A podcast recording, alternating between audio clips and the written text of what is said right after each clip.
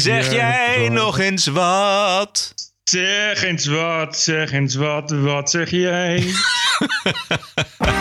This is the TPO podcast. Omdat mijn fiets daar stond. Ik kan niet Ik anders. sta hier en ik vertel het verhaal waar ik in geloof. Zij gaat geen gekke dingen doen. I will not overturn the result of the referendum, nor will I break up my country. En de bonusquote is een hart onder de riem voor iedereen met een tuin. Dus eigenlijk is de grootste sta in de weg in Nederland op weg naar een duurzame samenleving. Dat is het huis met de tuin. Aflevering nummer 86. Ranting and Reason. Bert Brusson, Roderick Phalo. This is the award winning TPO podcast. Maandagavond 24 september. Eh, ik stond vandaag met een wintersjas buiten. Bert, heb jij nog wat meegemaakt? Nou, ik niet. Ik stond vandaag eh, met 30 graden in de schaduw buiten. Man, de verschillen worden groter naarmate de winter Heerlijk, nadert. heerlijk. Ja? Ja, het is hier eh, wordt het alleen maar warmer, terwijl het bij jullie alleen maar kouder wordt. Ja. Nu gaan de voordelen van hier wonen echt tellen, kan ik je vertellen. Ja, het is toch echt leuker als je weet dat het bij jullie slecht weer is. Ja, maar het wordt wel tijd dat inderdaad de voordelen zich nou een beetje gaan, gaan duidelijk maken. Ja, dat wel. Het duurde wel even hier. Maar, eh, maar nu is het wel echt, echt warm. Ja.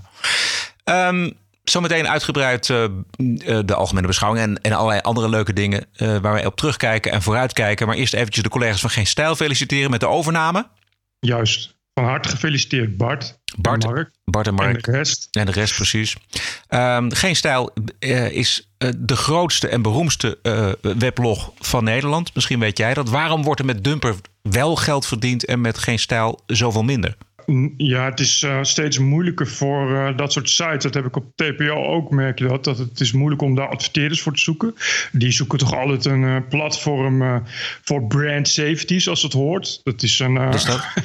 is een mooi marketingwoord voor politiek correct bang zijn. Dus die merken die willen toch liever niet geconfronteerd worden met, met, ja, met kwetsende dingen en opruiende dingen. Maar dat heb je dus op Dumpert, heb je dat wel. Ja, kijk, maar, kijk, het is wel zo dat eh Dumpet eh, heeft ook heel veel minder kosten.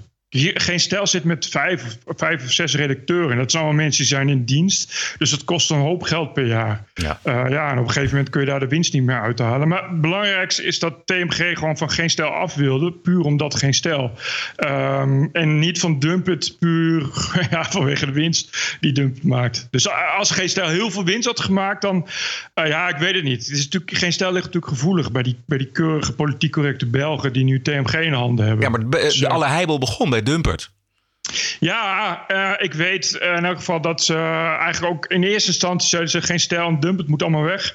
Eh, toen zagen ze de cijfers van Dumpet en toen zeiden ze toch van oh, ja, dat is toch wel. Um, Dumpet is natuurlijk wel echt een, echt een cash cow. Ja, nogmaals, omdat dat, ja, daar zit nauwelijks, er zitten één of twee mensen. Ja, die zullen ook niet zo duur zijn. En eh, ze heeft natuurlijk heel veel page views en, en een ideale doelgroep van, eh, ja, de, van jongeren waar- waarvan je weet dat die daar zitten. Dus als je, ik noem een Defensie, die, die natuurlijk heel veel hebben geadverteerd. En volgens mij nu nog, maar dat weet ik niet zeker.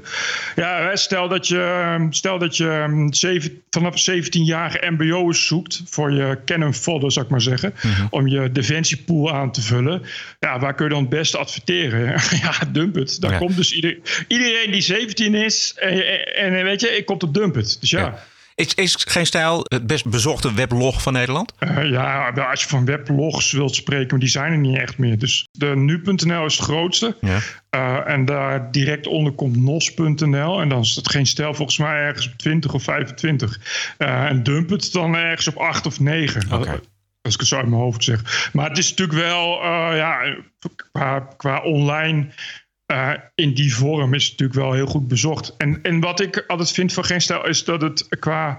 eh, de, op zich, de unieke bezoekers zijn ja, volgens mij ja, nog geen 2 miljoen. Dus op zich is dat niet eens heel echt eh, extreem veel. De Telegrafen ze hebben er veel meer. Ehm, maar ja, de impact van Geen Stijl is heel groot. Dus natuurlijk een merk met een high impact. Ja. Gaan ze het redden? Ja, dat, ga- ik, zou dat echt. Ik, heb, ik weet het echt niet. Dat is echt een, eh, ehm, een, moeilijk iets. Maar ik, ze gaan nu in elk geval verder met. eh, ja, dus eh, abonnees en meer premium content. Ja. En voor de rest, ja, ik, ik weet het echt niet. Het is misschien als je goede goede mediabureaus vindt die, die daar nog een poosje mee voort willen. Het probleem is dat, dat die advertentiemarkt gewoon, gewoon uh, stervend is. Dat merk ik ook. Ja. Dus, dus ja, gaan ze het redden, dat wordt lastig. Maar ze hebben wel een grote fanbase. Dus als je betaalde bezoekers en donaties kunnen ze nog wel heel eind komen. Wil je lid worden eh, van de premium uh, Geen Stijl, dan kan je dat allemaal vinden op geenstijl.nl natuurlijk. Uh, ga daarheen. Weet je wat voor dag het vandaag is, Bert? Today is International Day of Peace. Ah, wat leuk. Ja. Heb ik weer gemist. Dit is Guy van Hofstad. Remember how -hmm. peace is an essential value of our union, of the European Union. Once we fought, now we talk. And Europe has lived through centuries of, of conflict, of divisions, of extreme uh, populism and nationalism. And in the European Union of today, we can live in a peaceful, in a democratic, and in a prosperous society. Yeah. But this must not be taken for granted. Extreme nationalists are today trying to undermine these fundamental values of our union. So let's together remember that united we are stronger. Bert, onthoud dat nou.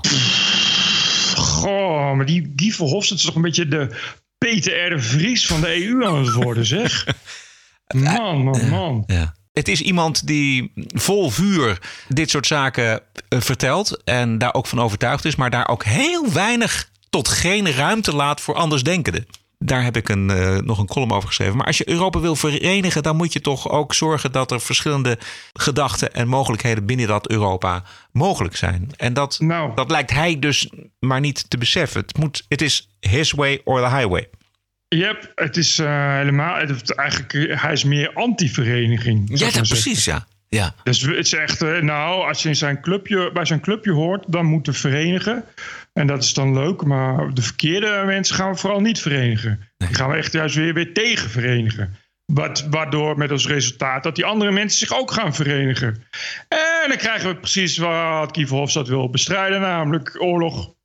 Goed werk, Kie. Heel goed werk. Laten we even kijken naar de algemene beschouwingen. En de voorman van Forum voor Democratie, uh, Baudet, want dat is toch wel eigenlijk het, uh, het, waar het meest over wordt nagepraat. Uh, zijn onderwerp, de Tweede Kamer. Hij begon woensdag zo. Dit soort eindeloze keuvelsessies, als wij vandaag hebben moeten doorstaan. En ik weet het, want bijna iedereen hier in deze zaal heeft mij achter de schermen toegefluisterd. Het net zo belachelijk en net zo verschrikkelijk en net zo'n idiote tijdsverspilling te vinden als ik. Dit moreel vliegen afvangen in de hoop het acht uur journaal te halen. Waarom? Met welk effect? De coalitie luistert toch niet. Argumenten zijn zinloos in dit huis. Het is allemaal voor de bühne. Het is allemaal schijn. Zoals onder meer de discussie over de zinloze afschaf van de dividendbelasting laat zien. En de vraag die zich dus opdringt, ambtsgenoten, is: wie is dan eigenlijk wel de baas in dit land? Ja. Het feit dat er zo lang over wordt nagesproken, Bert, is uh, bewijst eigenlijk dat hij natuurlijk wel een punt heeft hier. Ja, ja, hij heeft ook een punt. Ja.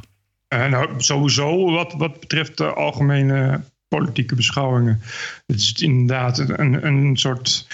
Ja, het is echt een typische vertoning, is het. Dat, wat hij zegt. En dan inderdaad. Uh, als je het maar goed genoeg doet, dan, uh, ja, dan, dan kom je in beeld. En daar gaat het een beetje om. Ja. Het, is, het, is, echt een belachelijke. Het is altijd elk jaar weer een belachelijke tweedaagse. Die ook nog eens een keer voor 90% oer saai is. Dus ik, hij heeft zeker een punt. Ik ben ja. het hier heel erg met hem eens. Ja, de, de, de, Kamer nam dit verhaal woensdag nog voor kennisgeving aan. Maar uh, donderdag kwam er toch echt wel schot in de zaak. Voorzitter, in het wedstrijdje vliegen afvangen van vandaag heb ik me bewust wat afzijdig gehouden.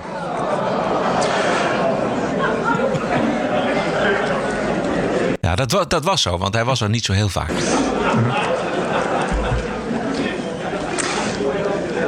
En het is opmerkelijk dat getuige reactie van de Kamer nu dit zo gemist is. Want hoe hebben mensen zich werkelijk zo kunnen vermaken in het uitspreken van de van tevoren uitgedachte spitsvondigheden, de gespeelde verontwaardiging, de bij voorbaat argumentaties, de grapjes over eikeltjes pyjama's. In tegenstelling tot wat velen hier denken, zijn heel veel mensen in Nederland daar echt niet mee bezig. En ook ik ben er niet mee bezig. Ik zit hier niet om mee te spelen in de sprookjeswereld waarin velen in deze Kamer leven.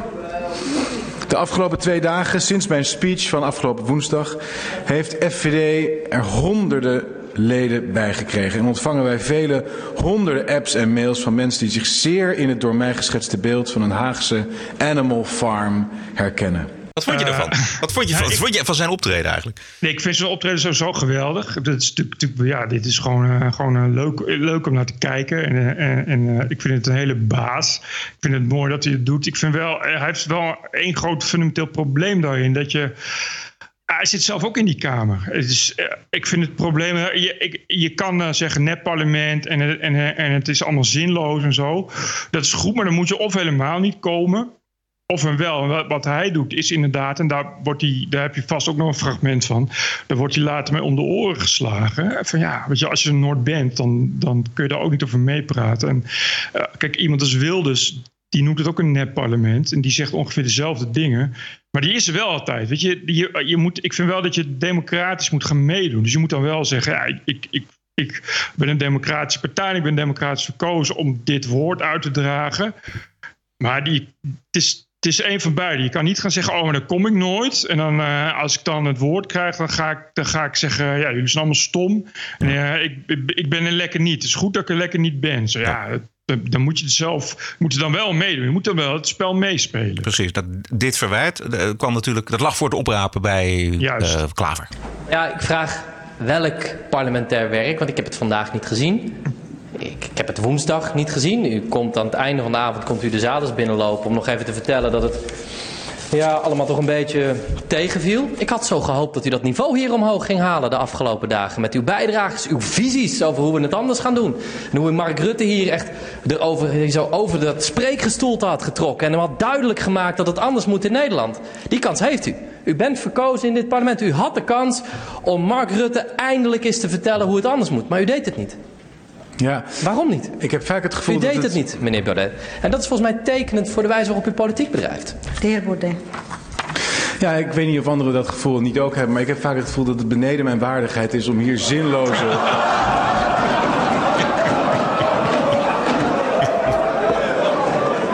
om hier zinloze argumentaties af te steken. Hij durft wel, hè? Of zou hij, zou hij het gewoon niet in de gaten hebben? Dit is klassiek Baudet. dit is echt klassiek Baudet. Inderdaad, dat je inderdaad gaat denken van... Goh, zou hij dat nou zelf nou wel of niet in de gaten hebben? Maar Ja, heeft, ja, heeft dit- hij het zelf in de gaten of niet? Ah, hij vindt het echt zo. Dat is echt, dit is echt typisch Thierry Baudet. Dat je zegt van... Je hebt dat toch zelf wel dan wel door. Dat wat je zegt, hoe dat aankomt. En dan, nee, ik vind die gewoon echt zo. Die- Beneden mijn waardigheid? Meent u dat nou werkelijk? Beneden, beneden, beneden om mijn voor de waardigheid? twintigste keer, de manier mijn, waarop om u voor de twintigste, om voor de Niet twintigste keer een argument te geven als je toch weet dat er niet op ingegaan wordt. Ja, tuurlijk. Beneden mijn waardigheid, voorzitter.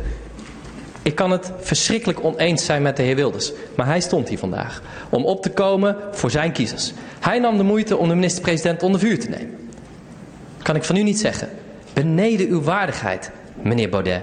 Als een democraat, verkozen hier in het Nederlandse parlement, is het uw taak. Je om krijgt toch geen antwoord. Je krijgt Is toch geen reactie. taak? Ja.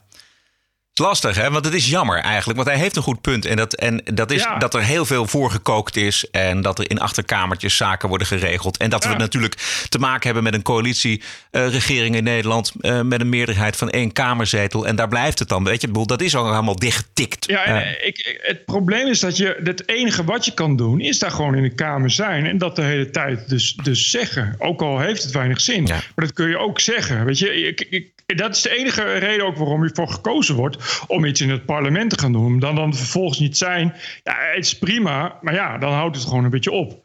Dus ik, ik zou hem liever inderdaad. eh, eh, nou, ik ben het wat dat betreft wel met Jesse Klaver eens. Ben ik daar ook eens een keer mee eens. Weet je, hij, hij zou er beter aan doen door er de hele tijd te zijn. Want dan hebben we nog meer Baudet. Je, het wordt echt, echt alleen maar leuker met meer Baudet, niet met minder. Ja. En dan kun je wel zeggen, ja, dat heeft geen zin. Ja, dat klopt, maar dat kun je dus aantonen door de hele tijd te zijn en te laten zien dat het geen zin heeft. Dan kun je dus zeggen van ja, ik heb al dit en dit gezegd, ik heb al eh zo en zo gedaan. En nu, nu is er nog niks veranderd. Maar dat, wat er nu gebeurt is dat mensen zeggen van ja, maar goed, jij bent er nooit. Dus ja. Ja. En dan zegt hij, ja, ik, ik was er wel. En als ik er niet was, dan was ik in de wandelgangen... en dan keek ik naar de televisie en dan kon ik het alsnog volgen. En ondertussen was ik bezig, want daar dreigt hij natuurlijk mee... was ik bezig met het organiseren van mijn partij. Want straks bij de Provinciale Verkiezingen gaan wij... eh, de, de Eerste Kamer veroveren. Dat was een beetje het, het, het idee. Het punt is ehm, dat de kiezers ook zien wat Baudet doet. Eh, En dat heeft hem dus in eh, de peiling van Maurice de Hond eh, twee virtuele zetels eh, gescheeld. Ik wou net zeggen, ja. Het, de, de peilingen wezen al uit dat het inderdaad toch niet zo'n goed idee was. Ja, en ook wel niet ten onrecht nogmaals. Kijk, je wordt gewoon gekozen om daar iets in die Kamer te gaan doen. En hij kan het ook goed. Hè? Hij, ik vond toen met Defensie dat hij in militair uniform kwam en zo. Ja, dat is geweldig. Dat is als je militair bent en je hebt voor hem gekozen... of je bent lid van zijn partij, dan zeg, dan zeg je van yes, dit is wat ik wil. En, ja, dat, en dat had hij hier natuurlijk net zo kunnen doen. Hier de dividendbelasting of de afschaffing van die dividendbelasting. Ja, je kan daar toch, toch juist bij die beschouwingen kun je daar toch uren over doorzeuren en daar hartstikke leuke dingen mee doen, eventueel. Ja. En, da en daarna dus laten zien, zie je wel, Rutte, ik heb twee uur tegen Rutte staan praten. Heel Nederland heeft het gezien en Rutte die maakt allemaal niks uit. Ja, en het dat is, eh, het is je taak, daar word je voor gekozen, dan moet je in het parlement gaan zijn ook. Bij Radio 1 werd er ook over gesproken door verslaggever eh, Floor Bremen van RTL, oud-verslaggever Jan Driessen en oud-Kamerlid Meili Vos. En de eerste vraag is van de presentator Herman Herman. Floor, hij doet het anders dan andere eh, fractieleiders. Eh, kan de Kamer daarmee omgaan of staan ze af en toe met de mond vol tanden? Ja, ik denk dat de Kamer er wel mee om kan gaan, maar dan moet hij wel de strijd aan willen gaan. En hij zit eigenlijk, hè, je hebt allemaal van die debatjes en van die zijkamers de hele dag. Daar zitten ze eigenlijk niet bij, eh, of amper. Nou ja, aan de grote debatten doet hij niet mee. Dus dan denk ik wel van, oké, interessant, laat maar horen. Ik heb hem gevolgd toen ook met, eh, hè, toen hij mee ging doen met de gemeenteraadsverkiezingen in die zaaltjes. Maar dan liet hij toch ook het werk doen door, in dit geval dan bijvoorbeeld Annabel Nanninga in Amsterdam. Die nog inhoud heeft. Precies, en die ging in ieder geval nog het debat aan met de mensen die naar die zaaltjes kwamen. En dat is wat hij hier zou moeten doen. En dan is het heel interessant om te kijken hoe de Kamer daarop reageert. En of je een nieuwe dynamiek kan brengen en of je dingen kan veranderen. Maar door er niet te zijn, ja, dan doe je natuurlijk Maar niet die zoveel. Kamer die probeert hem in de regels van hun spel te trekken, die wij heel normaal vinden. En hij kan die regels gewoon negeren. Ik heb ook eens een keertje met hem in het debat gestaan. Hij begint een verhaal over Rusland, het grote Rusland van we we leren. Iedereen zit daar te kijken, waar, waar heeft hij het over? Maar- maar in een populistische... In een andere maar, context. Maar, maar populisten, die spinnen daar garen bij. Nee, het is gekke is dat ook eh, mijn- regels mijn eigen kennissenkring... ja. mensen echt zeggen, ja, die Thierry Baudet, daar kan ik wel op stemmen. Dan denk ik, zijn jullie gek geworden? De angst zit er wel in. Maar ik vond, ik vond het punt van Floor Bremen vond ik heel goed. Eigenlijk ook wat Ja. wij hier zeggen van, weet je, ja, het is eigenlijk zonde dat hij zo weinig meedoet. Voor, voor een partij als Baudet ehm, moet je juist zorgen dat je de luis in de pels bent. Dus dat je er altijd bent. Dat mensen gewoon helemaal gek van je worden omdat je er altijd bent. O- Omdat je nou eenmaal even, altijd evenveel recht hebt om je zegje te zeggen. Weet je, dat is toch, ik, je moet, ik denk altijd een beetje aan, eh aan filibusteren en zo in, in, in de Verenigde Staten. Totaal zinloos. Maar ja, weet je, het, het is, het is eh, op, zo dicht mogelijk op de huid zitten om je spel te spelen. En dat zou interessant zijn. Dat is wa- wat Martin Bosma doet. Die zit, dus, die zit wel altijd in die debatjes, in die zijkamertjes. Ja, en het is altijd geweldig. Een videorens van een half uur. Weet je, een one-man show. Ja, als, als Thierry dat nou ook eens doet, dan heb je veel meer invloed. Omdat je, dat die mensen uiteindelijk knettergek van je worden. Maar ja, je telt wel mee. Plus dat als je wel een goed punt maakt, dat je dan ook serieus wordt genomen.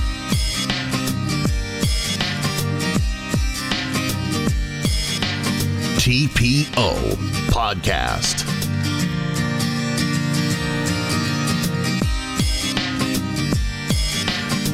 Als we dan even kijken naar de, de Brexit, dat is eh, eh, best eh, ingewikkeld. Ik weet niet of je nog weet welke opties er zijn, Bert. Eerlijk gezegd niet, maar ik weet wel dat, dat er nu toch weer, weer, en dat weet ik wel, dat dat ongeveer de honderdste keer is, weer iemand toch graag wil dat er een nieuw referendum komt. Dat, is, dat is het laatste wat ik een beetje meekreeg. Dat- Als ik het heel, heel simpel uitleg, dan zijn er eigenlijk vier opties. Eh, de eerste is uit de Unie en een verdrag zoals bijvoorbeeld de Europese Unie heeft met Canada. Nou, dit is de, de, de optie die de Brexiteers heel graag willen, zoals Boris Johnson. De tweede optie is uit de Unie, maar heel dicht tegen de Unie aanblijven, zoals Noorwegen. Dan heb je wel alle verplichtingen en dan is er wel vrij verkeer van personen en goederen. Eh, ja, dat is, dan verandert er eigenlijk niks. Dat wil mee niet. Mee wil een, een variant. De Europese Unie zegt, ja, dat is uh, cherrypicking. Dan haal je gewoon alles wat jou uh, uitkomt eruit en, uh, en verder niks. Dat is de derde optie. En de vierde optie is geen deal. The referendum was the largest democratic exercise this country has ever undergone. To deny its legitimacy or frustrate its result threatens public trust in our democracy. That is why, for over two years, I have worked day and night to deliver a deal that sees the UK leave the EU. No one wants a good deal more than me, but the EU should be clear. I will not overturn the result of the referendum, nor will I break up my country. Ja. Hoe betrouwbaar is hij? Ja, best. Um, ze zit wel in een moeilijke positie. Wat jij zegt, mogelijk toch een nieuw referendum. Dat zal dan niet gaan, uh, als het er komt, over wel of niet uit de Europese Unie. Maar uh, dat nieuwe referendum moet dan gaan over hoe. Precies. Dus, ja. dat is, dus inderdaad, de hoe dan ook eruit. Ja. Dat kan niet meer worden teruggedraaid en dat wil geloof ik ook niemand. Maar ja, er is een grote onzekerheid over. Waar ik aan zat te denken is dat als Europa die buitengrenzen onder controle had gebracht na het verdrag van Schengen, dan was de Brexit nooit ter sprake gekomen. Dat lijkt mij ook. Alhoewel, je moet niet vergeten dat natuurlijk de Britten al van oudsher niet zoveel van invloed moeten hebben. Dus, dus de anti-EU-tendens is volgens mij vanaf het begin af aan al groot geweest, zou ik maar zeggen. Maar wat je zegt. Ja, Paul Scheffer die zat uh, in Nieuwsuur. Europa heeft een geweldige stap vooruit gezet door meer vrijheid te creëren voor burgers. Door die binnengrenzen te openen heeft alleen iets nagelaten. Namelijk na te denken over die gemeenschappelijke buitengrens en na te denken over de opdracht van Europa om ook bescherming te bieden. De Brexit, de centrale leuze was take back control. Ik heb gezien dat bij verkiezingen in Oostenrijk, in Italië, in Zweden, overal speelt dat vraagstuk een rol. En op het moment dat de Europese Unie niet in staat is om hier antwoorden op te geven, dan zullen dus de illiberale antwoorden, de autoritaire antwoorden, het gaan winnen. Namelijk, dan zullen mensen op een andere manier minder democratisch controle herstellen. Ja, dat is een beetje wat uh, natuurlijk nu aan de hand is. Met wijze woorden van die Paul Scheffer. Goh, je zou haast denken dat hij jaren geleden ook al wijze woorden had gesproken. TPO Podcast. Ik dacht aan een nieuwe rubriek, Bert. En oh ja? ja? omdat we iedere week wel nieuws hebben over social media en mensen die daarvan uh, geweerd worden.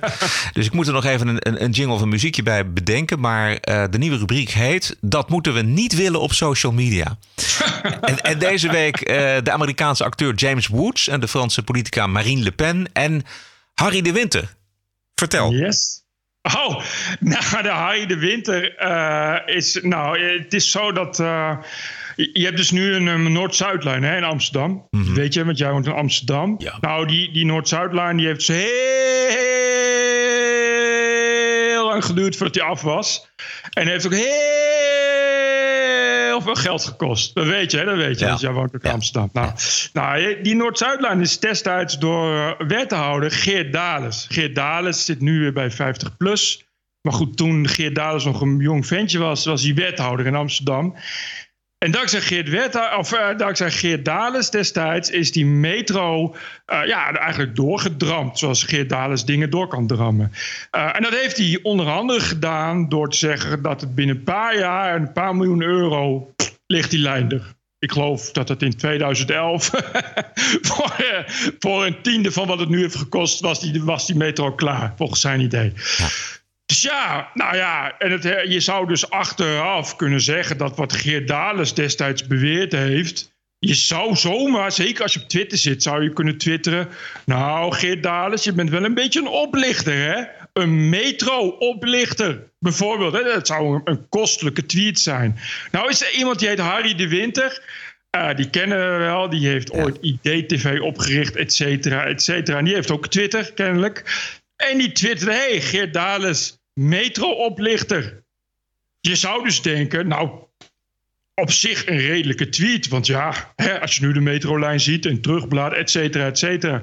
Maar dan je Geert Dales toch niet? Geert Dales is iemand met een snel gekwetst ego. En bestuurders met een snel gekwetst ego laten het er niet bij zitten als ze zomaar metro-oplichter worden genoemd. Al helemaal niet door Harry de Winter, want dat is een bekende presentator of zoiets.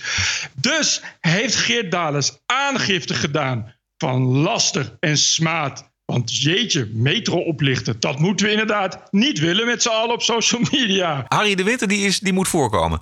Ha, je zou dus denken, nou, de OM, dat heeft tegenwoordig is al zo overbezet en capaciteitsgebrek. Die gaan niet hun tijd besteden aan een eenvoudige tweet die eigenlijk niet eens kwetst is. Nou, dan ken je het OM in Nederland nog niet. Die natuurlijk heel toevallig heus nergens vriendjes heeft met Geert Dales. Dus het is absoluut geen sprake van klasjustitie hoor.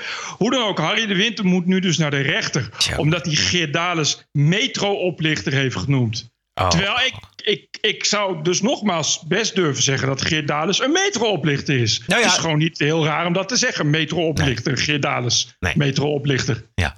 Eh, kijk uit, Bert. Eh, nee, maar dit, dit, dit, is, dit wordt toch een interessante case natuurlijk. Want als hij... Eigenlijk twee dingen spelen er. Eén, is het eh, inderdaad laster? En twee, klopt het niet wat hij zegt? Of klopt Hij het zegt- wel? Wat denk jij? Hij zegt zelf van ja, dit zijn allemaal rapporten en analyses, dat dat echt niet waar is. En zo. Maar ja, de kern is natuurlijk dat hij destijds heeft gezegd: het gaat drie jaar duren en, eh, en eh, niemand heeft last van, weet ik van me wat. En dat het uiteindelijk niet klopt. Dus, dus, Nee, maar dat, wat- dat kun je, als je dat van tevoren weet, dan, dan ben je een oplichter volgens precies, mij. precies. Maar, maar dat kun je niet bewijzen volgens mij. Nee, precies. Dus dan krijg je, ja, hoe moet ik oplichten interpreteren? Weet je, eh, het probleem wat je hierbij krijgt is dat rechters A geen humor hebben en B dat ook niet hoeven te hebben, want die hoeven alleen maar de wet na te leven. Wat je nu gaat krijgen is dat Harry de Winter straks een boete moet betalen van 100 euro, omdat inderdaad iemand oplichter noemen. Terwijl daar ja, is dus inderdaad geen reden voor, want hij kan natuurlijk van tevoren, et cetera, en hij is politicus, et cetera, et cetera.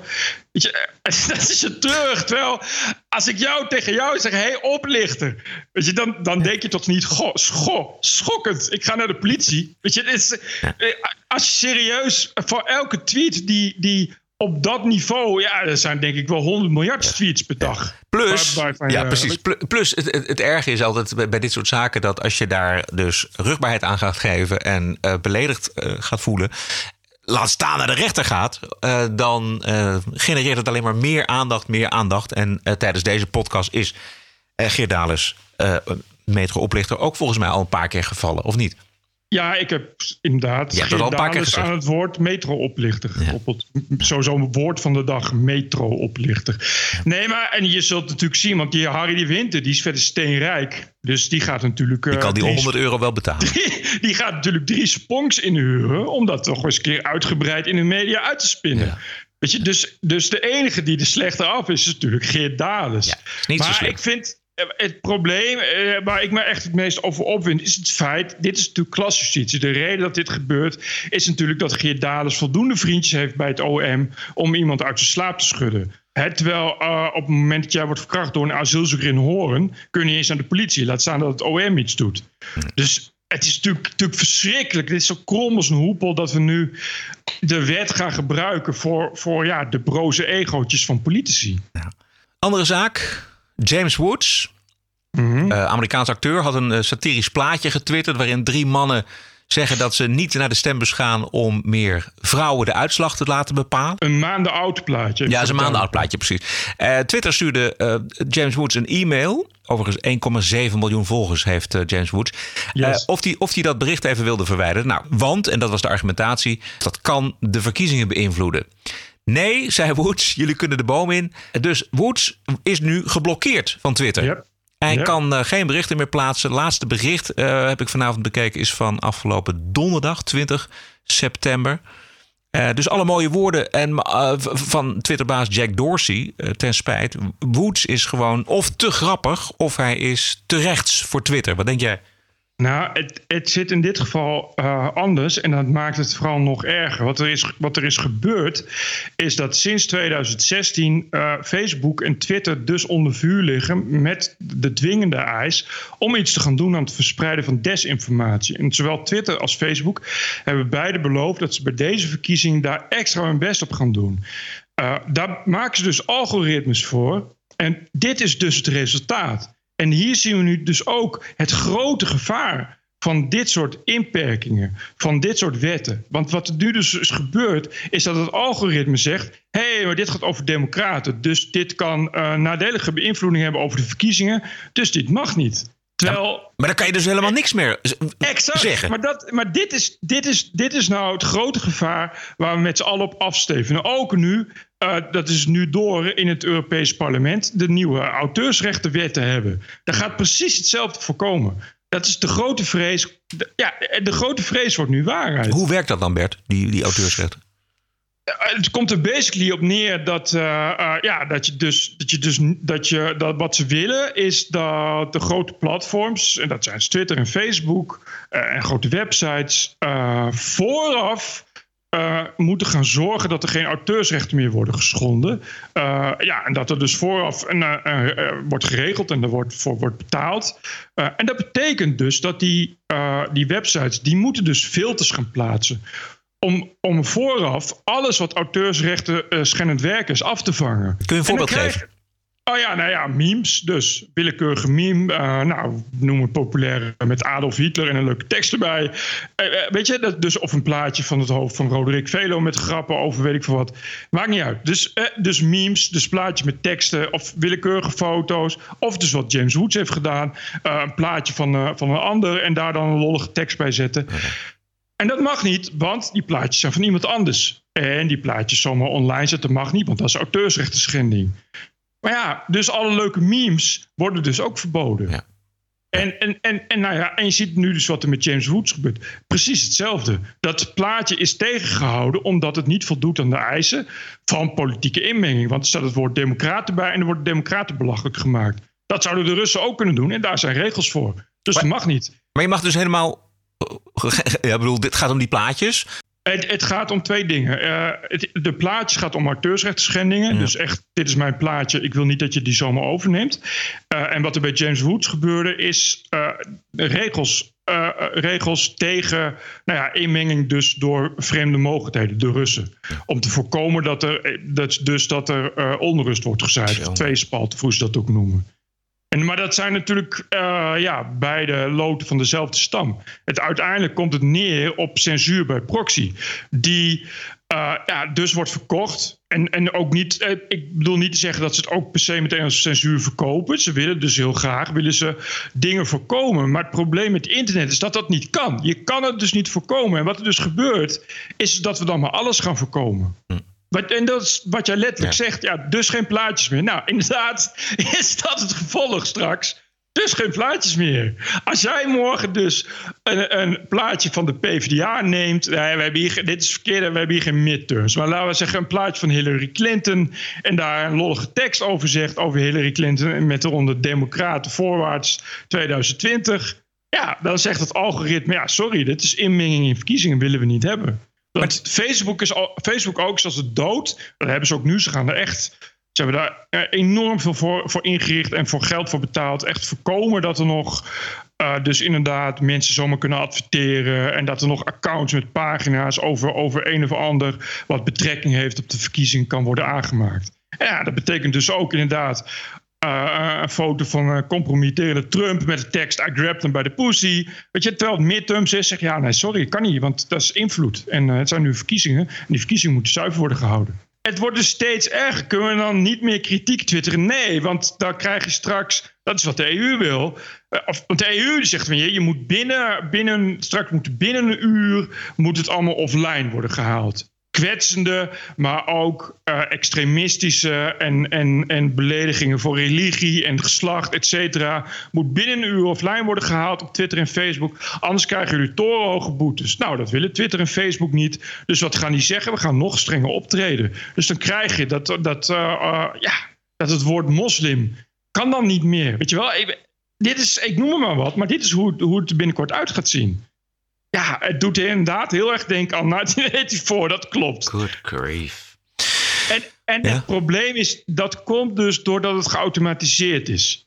Ik denk dat, dat, dat hier wel een aantal verkiezingen mee uh, zal worden geëxperimenteerd. Maar dat op een gegeven moment mensen toch ook wel weer heel erg eh, bezorgd en eh, ontevreden zijn aan beide kanten eh, van het politieke spectrum.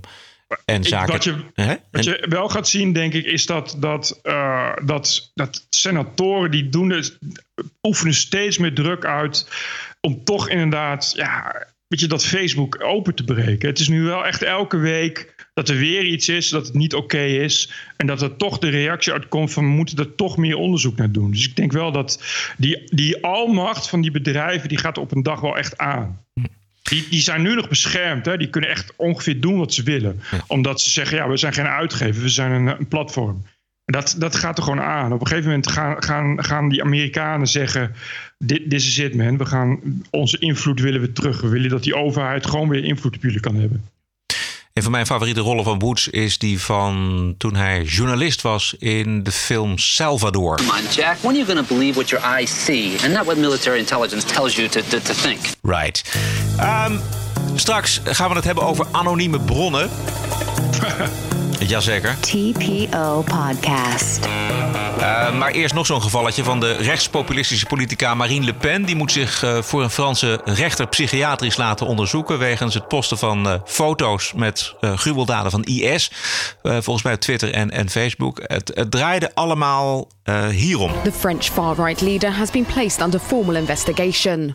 For posting on Twitter a series of gruesome images of Islamic State group violence, including the execution of American journalist James Foley, which Le Pen later removed at the request of his family.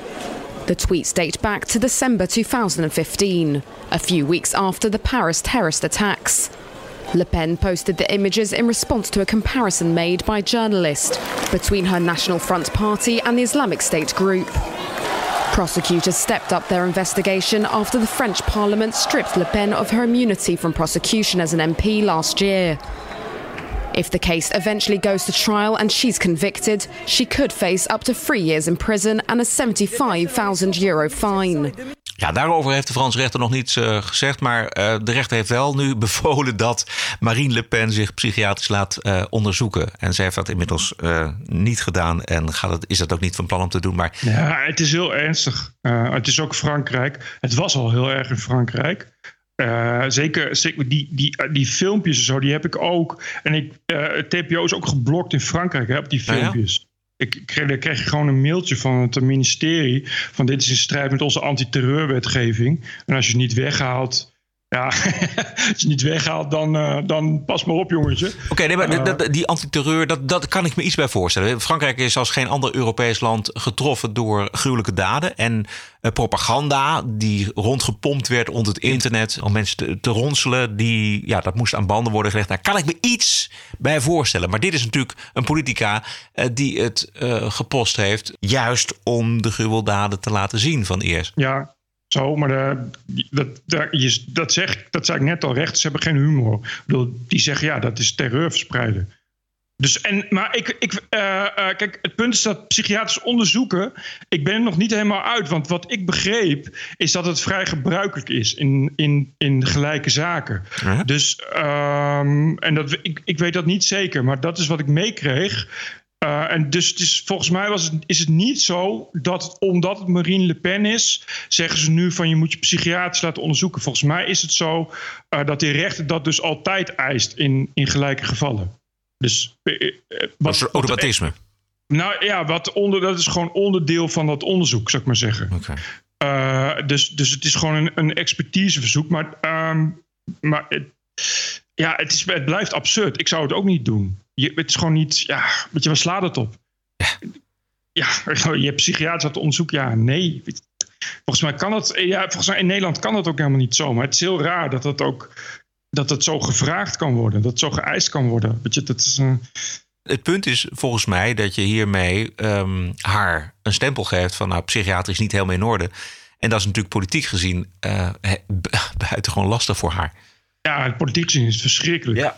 En het zal, ik neem aan dat, dat uh, een hoop tegenstanders van haar uh, staan te juichen en te springen. En uh, zie je wel staan te roepen. Ja. Bedoel, stel je voor dat het, dat het met het Wildersproces, dat ze dat tegen Wilders zeggen. Ja. Dan, weet, dan weet ik wel wat media. Kijk, die, het, het, het, ja, kijk, het is precies tegenovergesteld van award-winning. Hè? Ja, precies. De, maar de, de psychisch niet in orde zijnde politica Marine Le Pen. Veel erger is dat je er ook niet meer vanaf komt. Hè? Je hoeft dat onderzoek, het onderzoek ook niet te doen. Je, het, is, het volstaat met ja, ja, je moest je laten onderzoeken van de rechter. Dus je bent psychisch niet in orde. Want je plaatst, fil plaatst filmpjes. Maar ik weet niet, ik, moet dus, ik weet dus niet helemaal. Ik heb die zaak verder niet gevolgd. Maar volgens mij was het, dat kreeg ik mee, wel iets genuanceerder dan van het is Marine Le Pen. Ze moet zich psychiatrisch laten onderzoeken. Het is een soort eh, onderdeel van het geheel. Van, van hoe die rechter daar eh, dan uiteindelijk een uitspraak over, over doet. En zoals ik al zei, die Fransen die zijn met die filmpjes niet al te best. Dus eh, de, de, eh, de aanklager die zegt al snel... ja, dat is niet normaal als je dat soort filmpjes plaatst. Daarom moet je dan ineens... word je naar de psychiater verwezen. Terwijl dat natuurlijk totaal normaal is. TPO Podcast. Maar eerst even de anonieme bronnen, want die zijn ondoorgrondelijk. Weer een groot eh, verhaal in eh, de New York Times... dat onderminister Rod Rosenstein geheime opnames wilde maken... van de chaos in het Witte Huis. Voor overigens eh, is het zo dat vanavond bekend geworden is... dat die Rod Rosenstein mogelijk zijn ontslag gaat aanbieden aan Trump... Dat zou hij dan donderdag volgen. Is er een gesprek tussen Trump en deze Rosenstein. Dus het, het kan ook wel, ja, het kan ook waar zijn.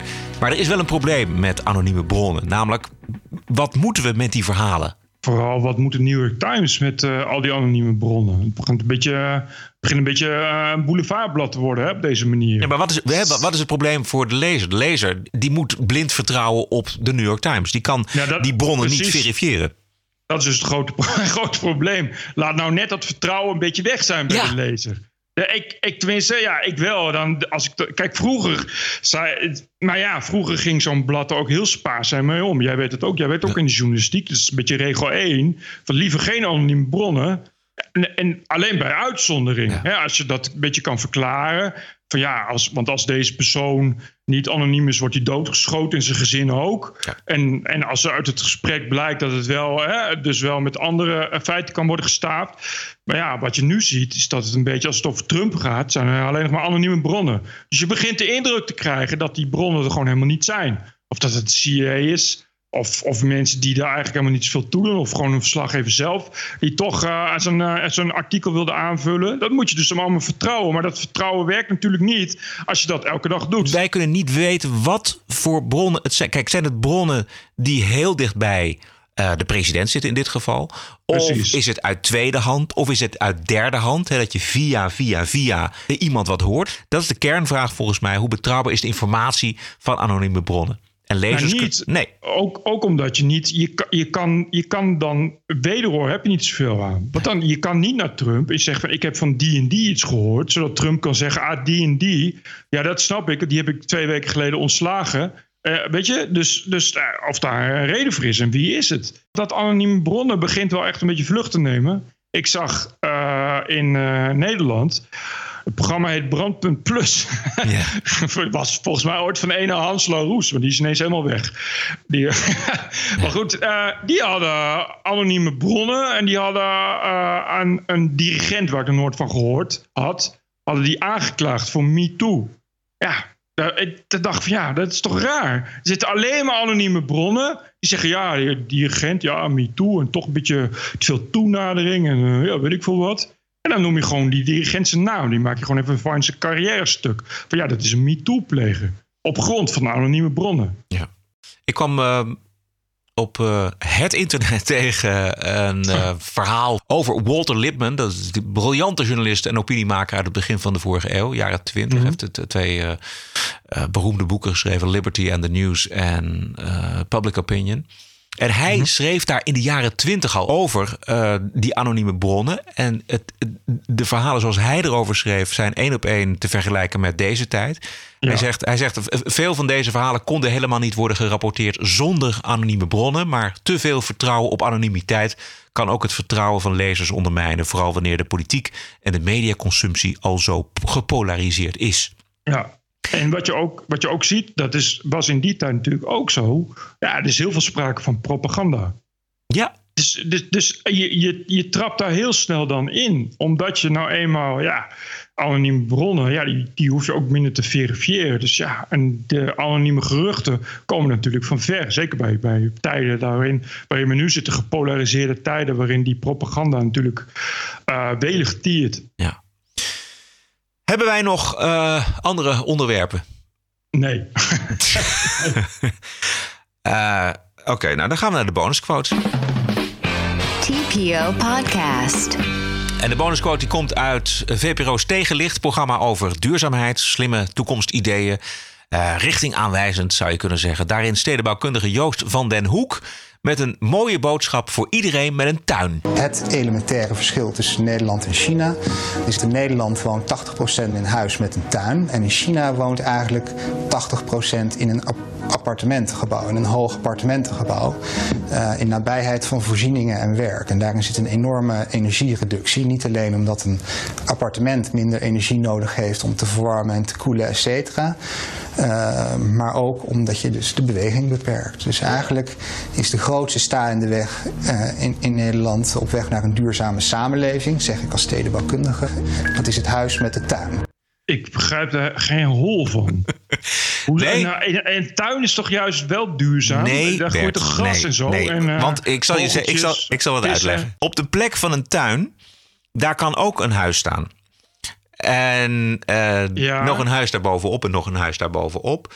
En als je dus die, die, die bewoning maar dicht genoeg maakt in een stad. Hè, en de voorzieningen daardoor ook. Uh, op de tuin van de buren komt dan bijvoorbeeld een, een, een supermarkt te staan. En op de tuin mm -hmm. van de buur weer daarna komt weer, uh, weet ik veel, een bushalte te staan of een metrostation. Als je het maar dicht genoeg allemaal op elkaar propt dan hoeven mensen zich niet zo enorm te bewegen. Die hoeven dan niet met die tram. Die, die, die hoeven niet uh, het blokje om te lopen naar de bakker. Die stappen hun uh, huis uit en die pakken meteen uh, het brood van de bakker. en die ja, gaan weer naar binnen. Ja, die, en, die gaan dan niet meer met de auto. Precies, zo. dus, dus minder vervuiling, minder beweging en ja, dus duurzamer. Ja. Dus het, je moet, we moeten allemaal in een soort van betonstad gaan wonen zonder groen. Nou, dat, volgens mij was dat het idee, ook de, de reden dat ze in China in betonsteden zonder groen uh, wonen. Ja, en daar hebben ze heel veel betonsteden zonder groen gebouwd ja. waar niemand woont.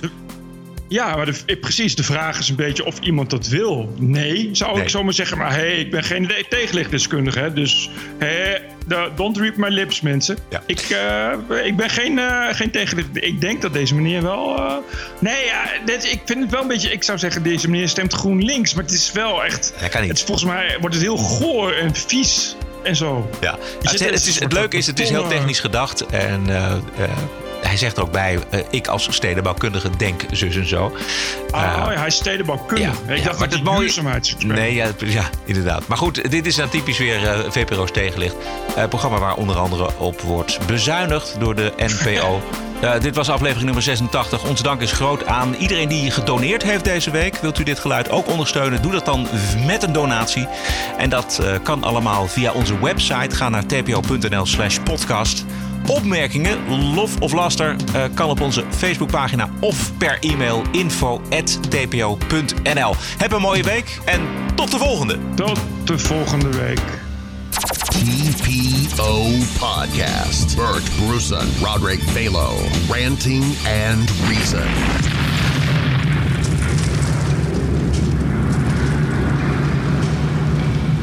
Political correctness. the oppression of our intellectual movement, so no one says anything anymore in case somebody else gets offended.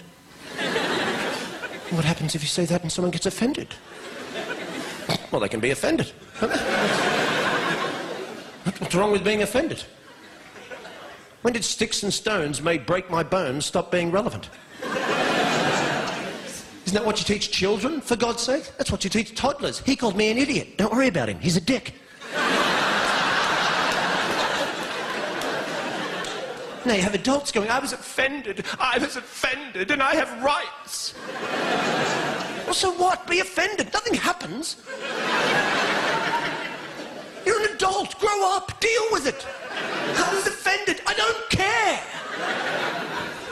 Nothing happens when you're offended. There's nothing. I, I went to the comedy show, and, and the comedian said something about the Lord, and, and I was offended. And when I woke up in the morning, I had leprosy.